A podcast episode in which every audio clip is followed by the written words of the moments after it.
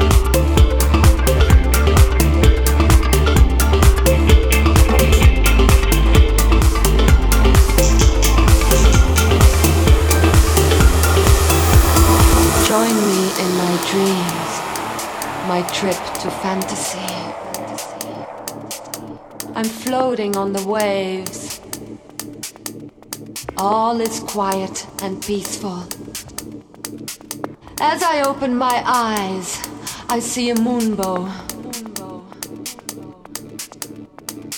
Its colors moving, changing and rotating like a kaleidoscope. I'm not afraid. I feel one with the universe. I'm afloat on the waves.